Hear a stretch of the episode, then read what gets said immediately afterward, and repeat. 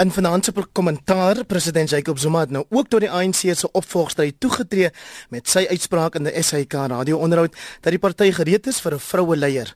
Apartheids geraamtes val uit die kas uit met die openbare beskermer se ondersoek na die ou nasionale party regering se reddingsboei aan 'n bank. Die openbare verhoor van die parlement se ad hoc komitee oor die SAIK raad is Vrydag hervat met die getuienis van twee voormalige raadsvoorsitters en in Amerika bly die aangewese president Donald Trump in die nuus oor sy omstrede uitsprake terwyl president Barack Obama 'n emosionele afskeidstoespraak gelewer het. Welkom by Finansiële Kommentaar. Ek is jou gasheer Hendrik Weingart en ek stel graag vanaand paneel bekend. Uitstelling Bos, die politieke wetenskaplike professor Amanda Gous. Naand Amanda. Goeienaand Hendrik en goeienaand aan die luisteraars. Uit Bloemfontein, Jan Jan Joubert van die Sunday Times. Goeienaand Jan Jan. Goeienaand Hendrik, goeienaand luisteraars. En dan hier saam met my in die ateljee in Auckland Park, Barnard Beekman, hy is die redakteur van Beeld. Welkom ook aan jou. Goeienaand. Nou, kollegas, laas naweek kondig Batabile Dlamini aan dat die ANC Vroue Liga vir Dr Nkosazana Dlamini Zuma steun om nuwe ANC leier te word. Later sê die ANC se sekretaris-generaal, Gwedi Mantashe, "Hokai, dit is gebruik dat die adjunkleier oorneem by die leier." Maar nou kom president Zuma en hy sê, "Nee, dis nou nie eintlik so nie." En die party is reg vir 'n vroue leier. Amanda Gous, jy het aan Monitor in die week gesê jy glo nie eintlik dat die ANC gereed is vir 'n vroue leier nie. Wat sê jy nou?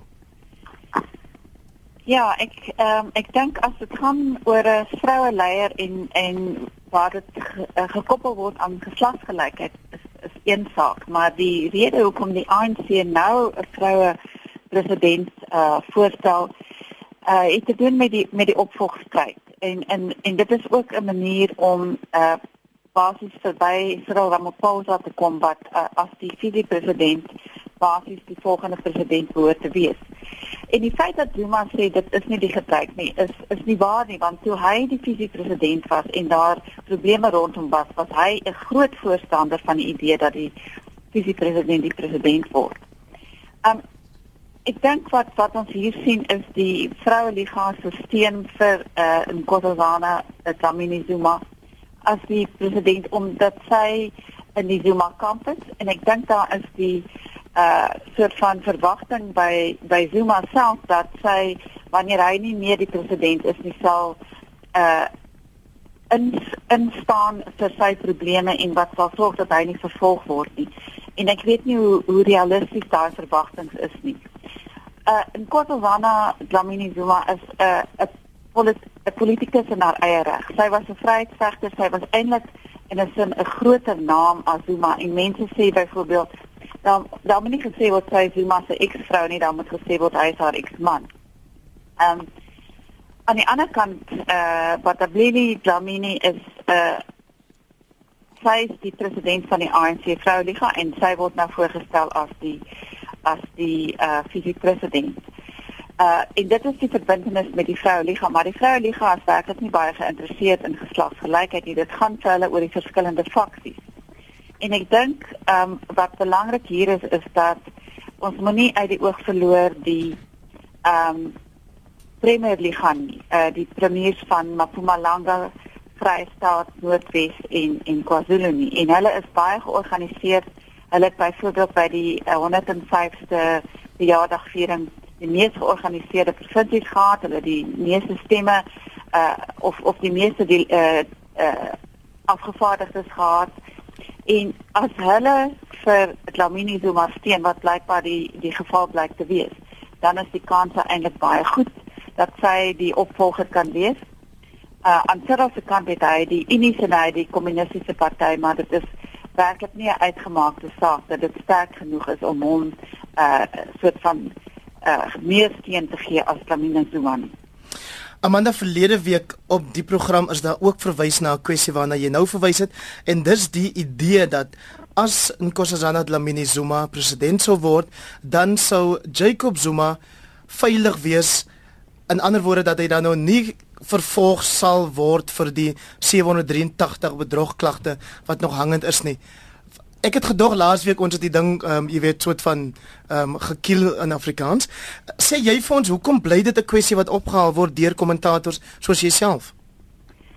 Wel, ek ek dink nie dit is die uh, ek dink dit is verwagting van van president Zuma, maar ek meen wat sou dit vir ons sê? Dit sou vir ons sê dat die president basies ehm um, regsverrigtinge kan stop en ons het gesien selfs nou uh, met president Zuma in die in die posisie as president kan hy dit nie doen nie. Dit dit gaan oor die ehm um, skeiding van magte tussen die wetgewende gesag, die uitvoerende gesag en die regterlike gesag. So ek dink nie dit is dit is die geval nie en ek dink ook nie daai jy weet dit is 'n realistiese verwagting nie, maar Goed. ek dink uh, 'n kommentator het byvoorbeeld in die Huffington Post geskryf dat die die soort van hoe hoe mense daaroor dink of hoe Zuma daaroor dink is dat sy is die ma van hulle vier kinders. En gaan sy nou uh basies toelaat dat hy tronk toe gaan.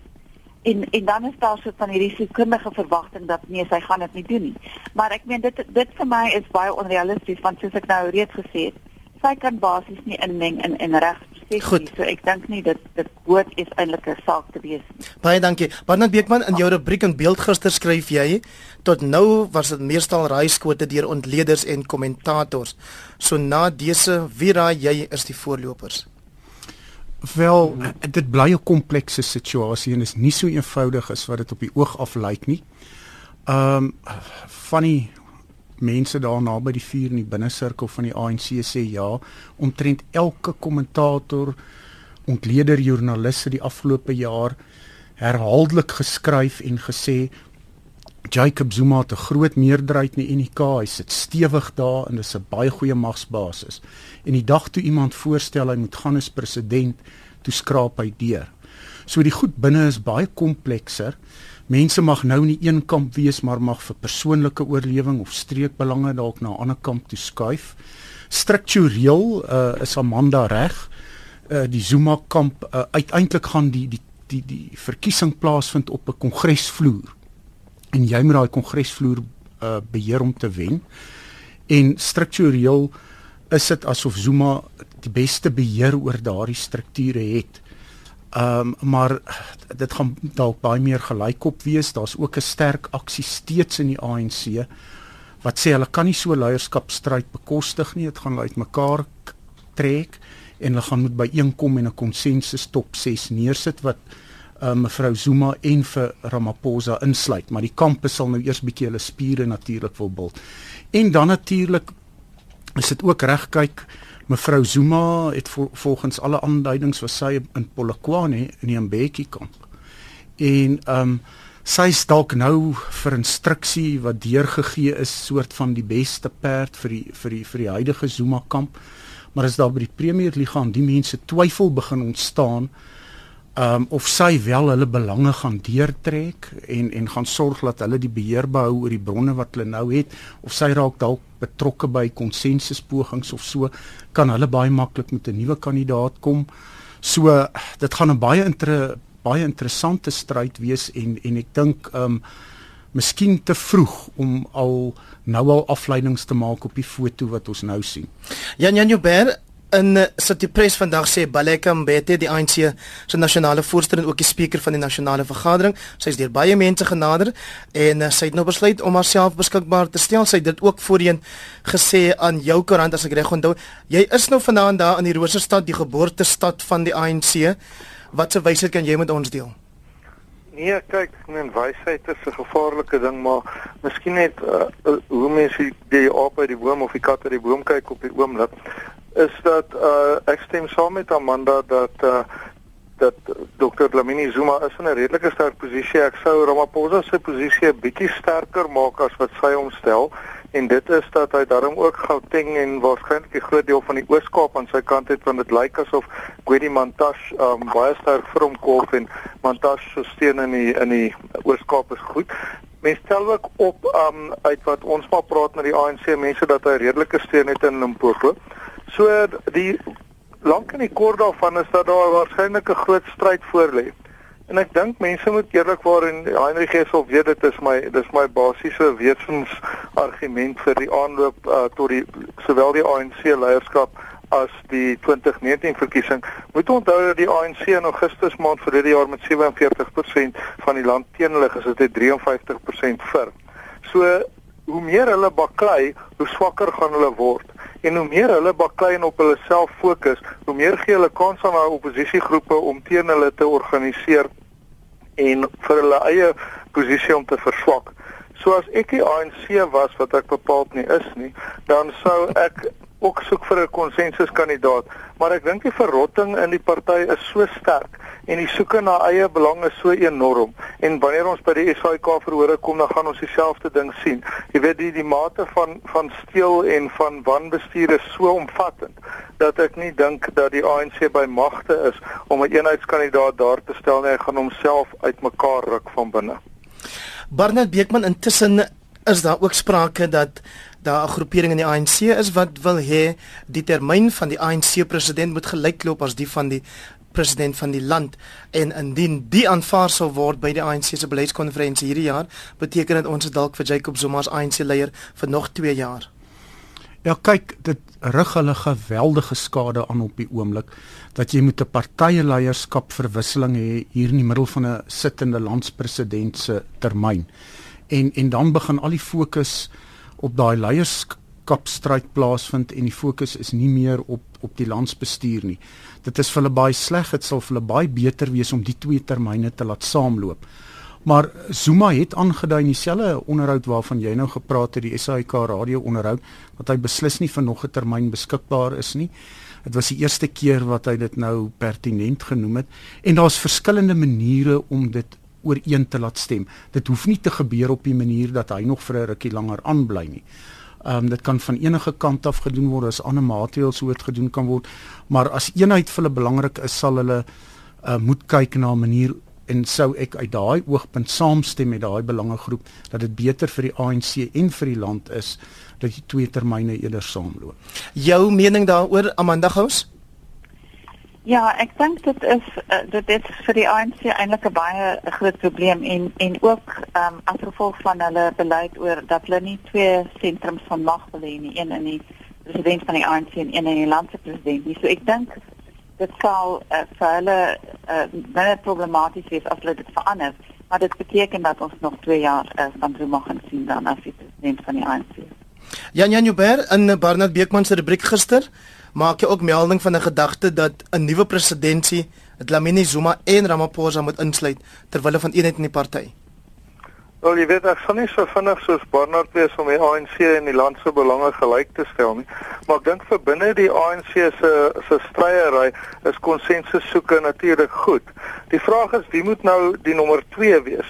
En ek dink die gedagte van die eenheidssoekers is dat Dr. Dlamini Zuma moet nou maar die adjunkpresidentskap neem en vir meneer Ramaphosa laat oorneem as president of daarmee verlief geneem gaan word, weet ek nie.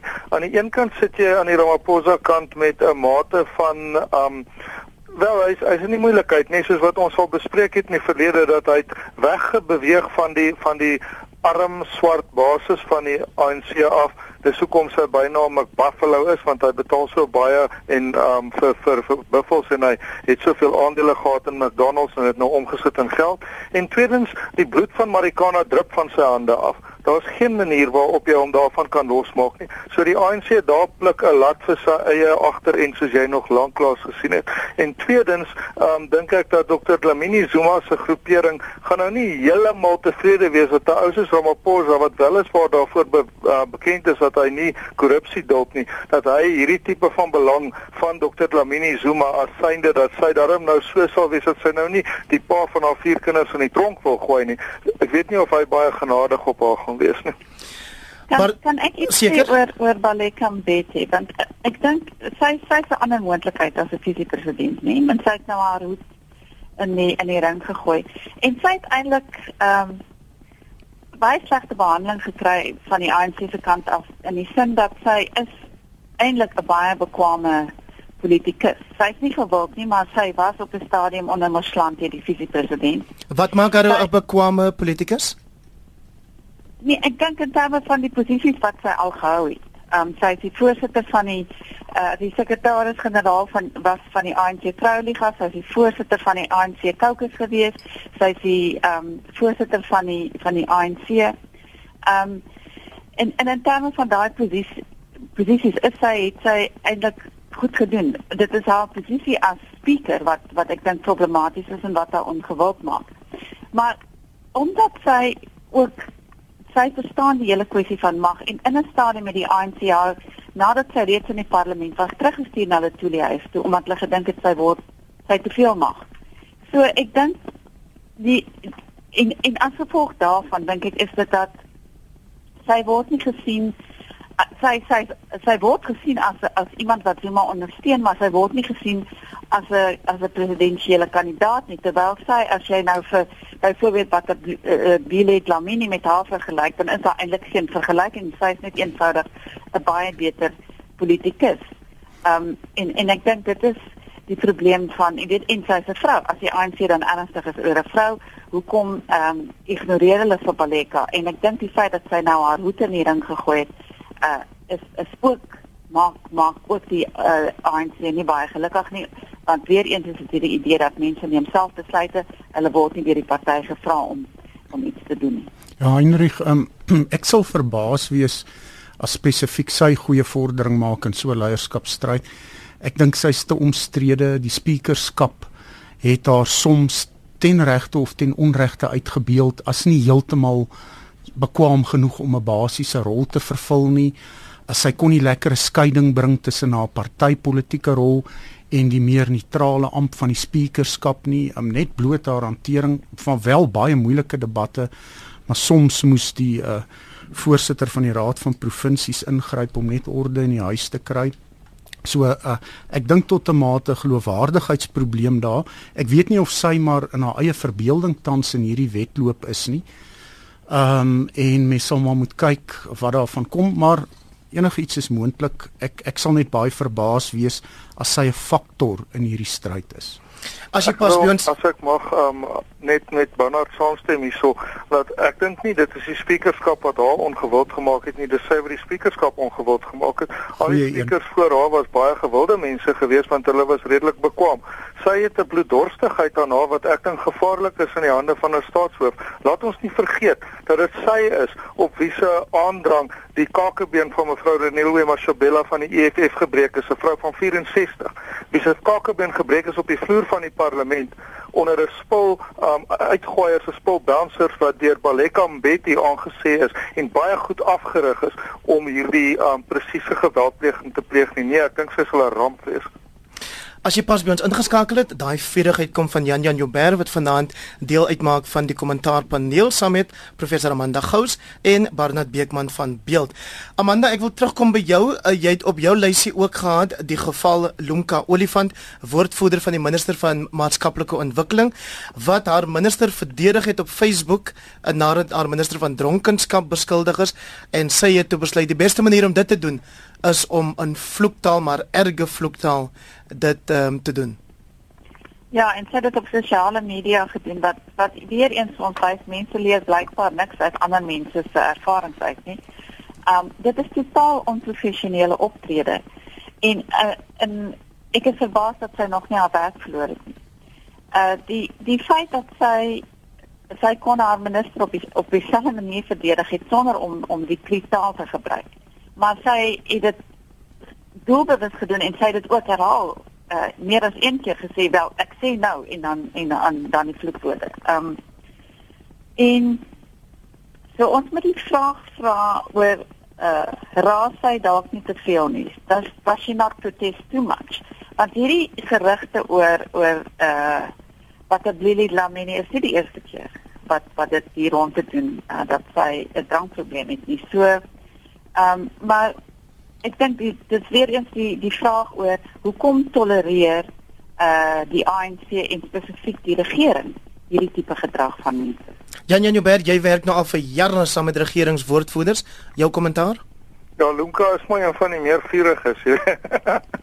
Jy sê sy 'n uh, dame wat wat terughou nie en en um, ek dink haar haar um haar taal sal sal dat baie mense eerder die die term vrou as dame sal gebruik teenoor haar Maar Lunka is nou nie eintlik laat laat laat um laat enigiemand verras is daardeur nie. Kyk, sy was by City Press gewees voordat sy in die regeringswoordvoerder situasie ingegaan het en daar was sy ook maar handvol, moet ek sê. Daai dae was ek by rapport gewees en ek sê sê die die daai tyd was ons as uh, RCP Media, rapport City Press Media in een groepering en die vergaderings met haar was nooit vervelig nie. Dit kan ek jou ter ere nagee.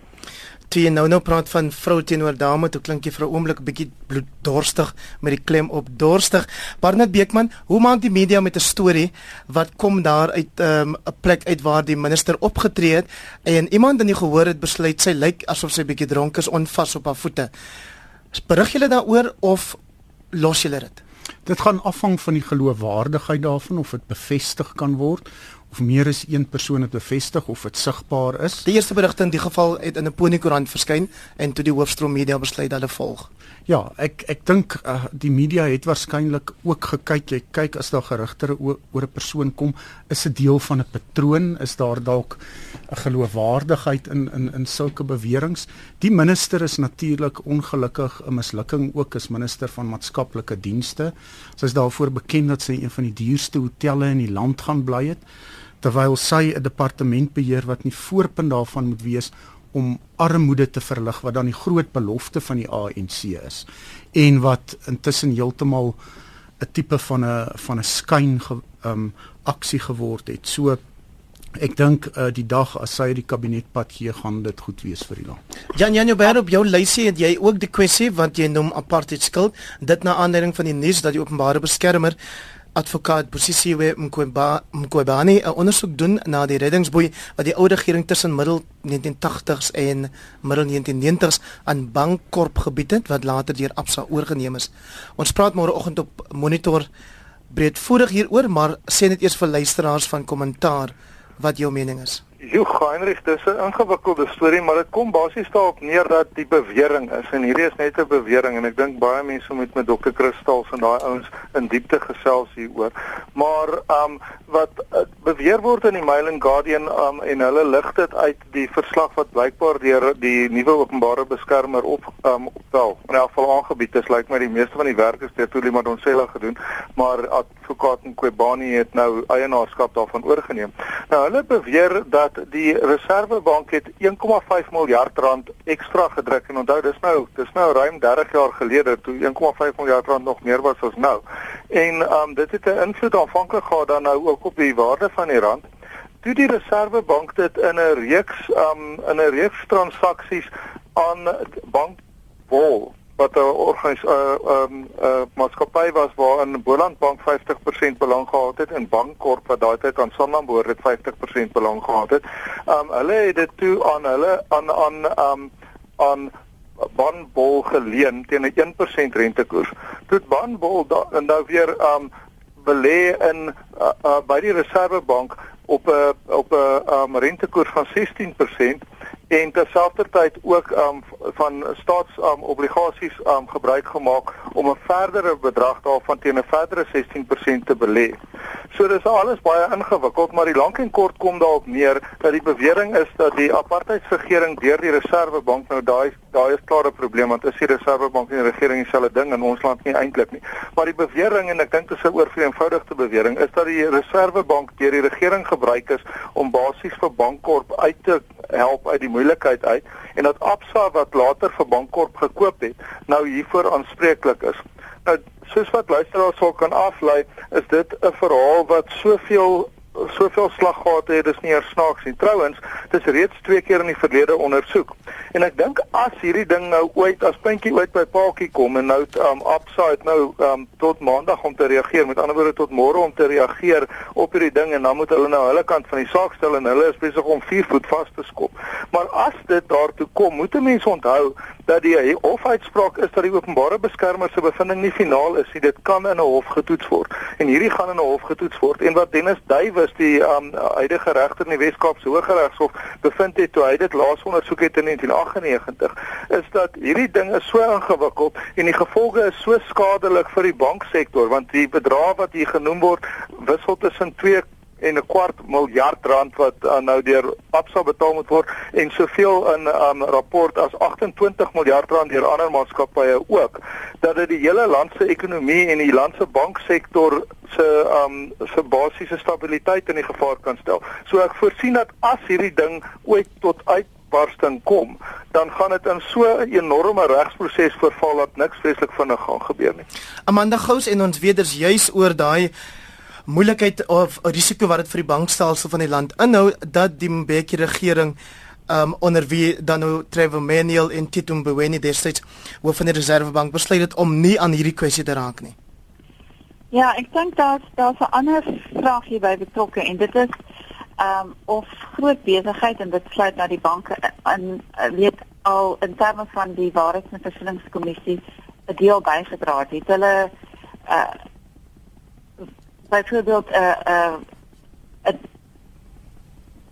in terme van die die skuld wat wat wat die apartheid regering het, het hulle bygedra tot die uh vergoeding uh vir apartheid. En die een van die argumente wat gemaak word oor uh Absa aandeel hier is dat die geld is nooit terugbetaal nie. So dit was basies ehm um, die apartheid regering wat uh die die tesouriese geld gebruik het om uh basies hulle self te verryk.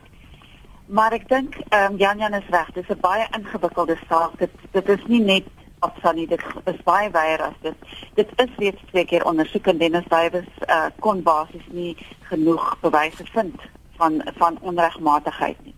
En dit sal 'n um, 'n impak hê op die stabiliteit van die van die banksektor as dit nou weer eens ondersoek moet word en ek dink Jan Jan is reg, dit sal vir jare in hof gaan sit. So dit is die een kant van die saak, die ander kant van die saak is natuurlik die mense wat sê nee, daar moet vergoed word in terme van waarheid en versoening, moet die besigheid hulle bydra maak en dis nooit gemaak nie en ek dink hierdie hierdie twee kante is baie moeilik om te versoen. Bernard Beekman ek sien rapport haal vir Chris Dr. Kristals aan. Hy was voorheen uh wat is dit gouverneur van die Reservebank. Hy sê in 1992 was daar 'n ooreenkoms tussen Absa en die Reservebank dat Absa die lening sou terugbetaal. Wil jy 'n mening daaroor waag? Ja, kyk Absa het toe inderdaad die 1,5 miljoen terugbetaal maar sonder rente en dit gaan nou oor die uitstaande 2,25 miljard rente en dan is daar potensiaal van 'n ander 29 miljard ander sake waarby ander maatskappye betrokke is. Hier kan ook iets agter lê van ehm um, dat baie mense dit sien as wit monopolie kapitaal wat destyds al vir korrupsie gebruik is. Dis teen die regulasies gedoen en dat hier nog 'n geleentheid is om welvaart te herversprei en dat daai ou wit kapitaal nou hulle betaling moet doen om um swart bemagtiging werklik te laat geskied en dat jy skuif het van die werklike bronne. So daai ideologie kan ook agter die proses wees. Ek wil net sê dat as hier sulke geld moet vloei en betaal moet word, en ek wil my nie oor die meriete daarvan uitspreek nie. Sou ek net graag wou sien dat dit veilig in die tesourier en die staatskasse hande beland en dat dit gebruik word om armoede te verlig en stabiliteit te bring en dat dit nie beland in die sakke van politici soos ons nou weer Jan Jan se koerant die Sunday Times onthul alweer vandag. 'n nuwe skandaal waar miljoene rande wat gebruik moet word om vir arme mense huise te gebou inbetaal word by vreemde maatskappye tot voordeel van politici en hulle familie En een van die name wat in daai storie genoem word, Jan Jan Joubert is iemand wat nie te ver van waar ek in Vul loods vanaand sit saam met Barnard Beekman 'n kantoor beset het um nog so Hmm. enkele weke gelede nie. Twee twee voormalige voorsters van die SAIK raad, naamlik Dr Benning Gobani en Ellen Shabalala, het Vrydag voor die parlement se ad hoc komitee oor die vorige raad se bevoegdheid getuig. Die individu wie se naam ek nou nie genoem het nie en nie gaan noem nie, um is natuurlik ook uh, baie sentraal in die getuienis wat voor die komitee gelewer is. Kortliks jou kommentaar oor die nuutste van die ad hoc komitee se kant? Mag ek die persoon se naam noem of is ons op 'n punt ons glad nie mag nie? Jy mag. Goed. Hy um Heinrich praat van Claudie Motsoeneng, maar hy gaan in die moeilikheid wees as hy vir Claudie hoegenaamd kwaad maak. So, kom ons sê gou-gou terug dat Claudie is nou betrek ook by 'n spul geld wat inbetaal moes word vir um vir behuising vir vir armes en wat hy nou klaarblyklik um nie te sleg mee gedoen het nie. Maar kom ons keer terug na wat Vrydag voor die parlement gebeur het. Dis die eerste skote wat klap in die parlementêre jaar en dit was daai ad hoc komitee oor die SAIK wat Vrydag weer gesit het onder die voorsitterskap van Vincent Smith, die die ANC LP van Eldorado Park. En daarso het hy nou vir Dr Bengo Baan gehad, voormalige premier van KwaZulu-Natal en Kata Manteldraaier wat deesdae ANC uit die ANC krip weet. Um en wat blykbaar horende doof en sienende blind was vir alles wat verkeerd geloop het. Kykie, daar's hier 'n mens in hierdie hele string verhore oor die SAIK wat daar blyklik in hulle eie oë enigiets verkeerd gedoen het nie. Daar't soveel verkeerd gegaan, maar die skuldlas, die skuldlas lê nêrens nie. So ek mens kon 'n irritasie optel by die parlementslede oor partygrense heen in Dr Ngubane en in Ellen Chabalala wat doodgewoon maak asof almal anderster skuldig is en net soos wat ons gesien het ook in November en Desember met daai verhore. So ek dink hierdie is 'n um, baie interessante situasie as Vincent Smith toegelaat word en sy komitee toegelaat word om voort te gaan op hulle huidige trant kan hulle dalk net 'n goeie stukkie werk doen uit die parlement uit want dit lyk vir my of hulle besig is om die geraamtes uit die kas uit te ratel. Nou sal ons net moet kyk of daai geraamtes um, op die ou en daarom ook lei tot een of ander vorm van bestraffing want dit sal hom lekker wees as iemand vir 'n slag verantwoordelik gehou word of hoe. Bernard Beekman, jy het ook baie ure deurgebring in komiteevergaderings by die parlement, jou indrukke? Ja, dis dis 'n baie interessante situasie hierdie. Ehm um, die parlementêre komitees bly weg van sulke aggressiewe optrede die afgelope 4, 5 jaar. En uh Zuma het duidelik baie beheer gehad oor die ad hoc komitee uh, wat in Kandla ondersoek het die hele in Kandla situasie en die regte uitsprake in Zuma se guns is daar gedoen. Dit lyk asof hy glad nie beheer het oor hierdie aksie nie dat dit 'n tipe wegbreekgroep in die Caucasus is want hulle slaan um sy loyaliste, hulle die minister uh, einde verlede jaar baie um 'n harde tyd voor die komitee gegee en hulle slaan baie hard in die senuwees van Zuma se magsentrum in met hierdie aksie. En en ek dink hier is duidelik tekens dat dit te doen het met die magstryd en met die ongemaklikheid wat oor Zuma in die in die ANC caucus begin ontwikkel. En ons het vroeër gepraat van die leierskapstryd, die nasionale uitvoerende komitee. Ek dink die ANC caucus ehm um, lyk asof hulle die afgelope maande skielik begin ruggraat en spiere ontwikkel het en is 'n omgewing wat ons ook fyn moet dophou. Amanda Gous, kom ons gaan maak 'n draai in Amerika soos wat ons die luisteraars beloof het. Donald Trump, die aangewese president, hou aan om hoofopskrifte te veroorsaak of te sorg daarvoor met wat ek sommer noem sy trompet geskal. Hoe maak 'n politieke wetenskaplike sin hieruit? Ja, wel ek dink wat belangrik is is wat nou die afgelope paar dae gebeur het oor die VN resolusie ehm um, wat uh, waar uh, die FSA by die stemming gebly het. Uh Netanyahu was woedend daaroor want hy het gesê dit is Obama se se werk. Die die resolusie vra basies dat die uh, bou van uh nedersettings in op Palestynse grond uh, deur Israel gestop moet word. Ehm um, en uh omdat Israel die VSA se na verbondgenoot was dit die eerste keer in in, in baie baie jare wat die VSA buite stemming gebly het en dit nie geveet het nie. Nou ehm um, onmiddellik het Trump tussen uh beide getree en ge, uh, gesê ehm um, die VSA is uh, 'n bondgenoot van van Israel. Hy het hy het ook die ehm um, e Egiptiese president gebel om te sê uh wat dat die die uh, resolusie ingedien het om te sê dat die weet hy, hy wil daaroor praat en nou is die stemming oor die uh, resolusie basies ehm um, uitgestel, uh onbepaald uitgestel. Nou wat dit beteken is dat Trump basies ehm um, ingemeng het uh, met Obama se laaste paar uh, dae in die betuig en en wat basies die die twee van hulle ehm um, weer eens gewys het dat hulle nie oorgade vir mekaar het nie. Ehm um, en dit kom op het, op betuig waar Obama 'n baie ehm um, roerende afskeid geneem het en 'n afskeidstoespraak gemaak het. So dis eintlik baie onprofessioneel.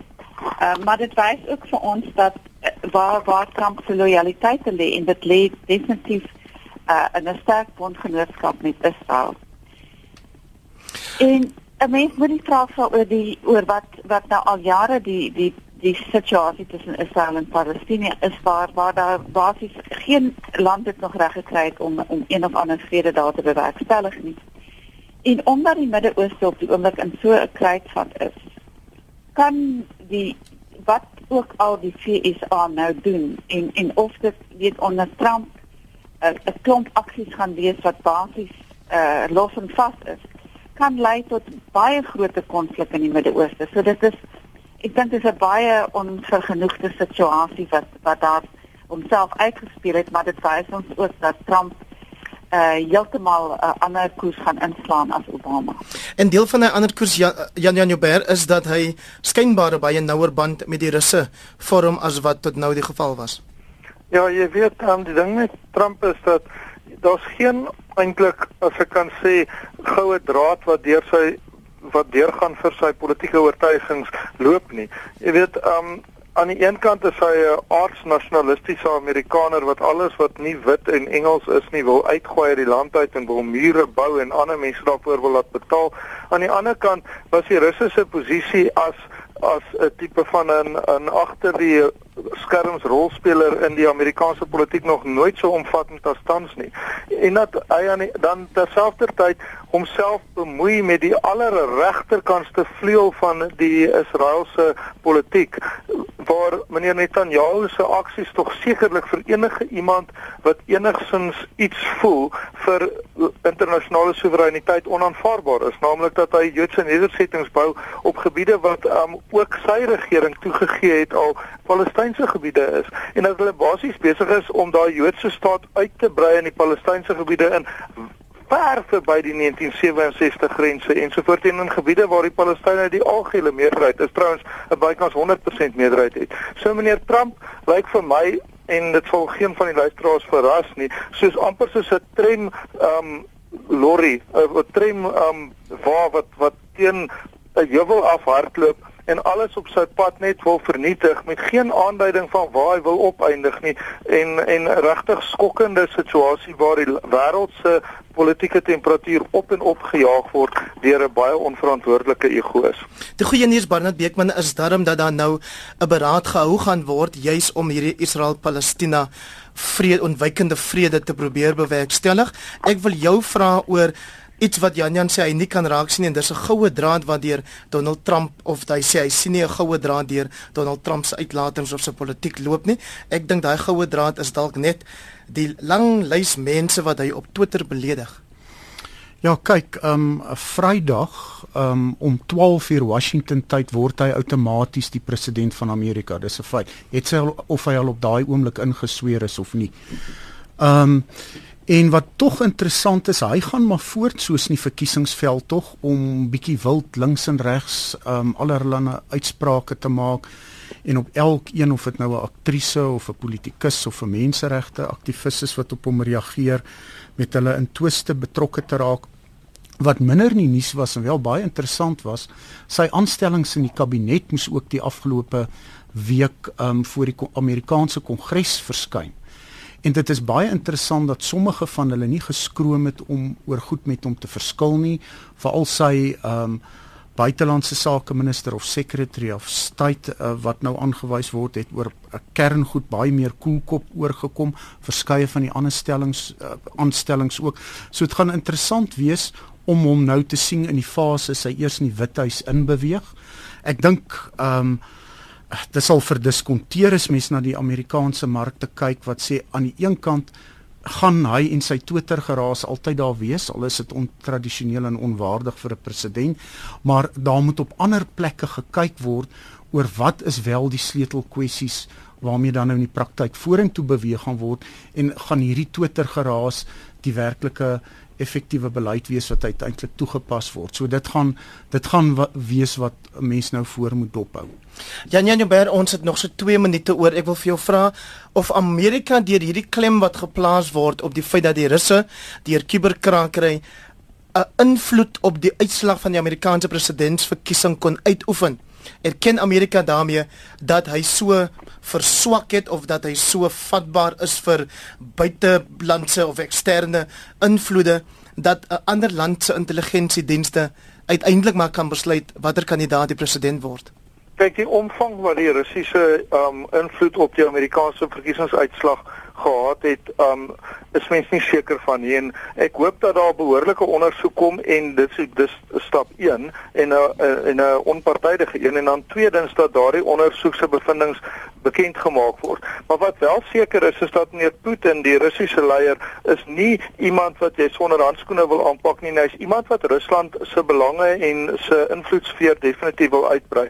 Meneer Trump lyk of elke keer wat meneer Putin iets positief vir hom sê, is hy soos 'n katjie wat se koppie gekrap moet word en dan um dit lyk asof hy geen begrip het van die tipe van die, die wêreldpolitiek en die magspolitiek wat daar agter sit nie. Ek is baie bekommerd dat hy naïef is in hoe hy teenoor die Russe optree.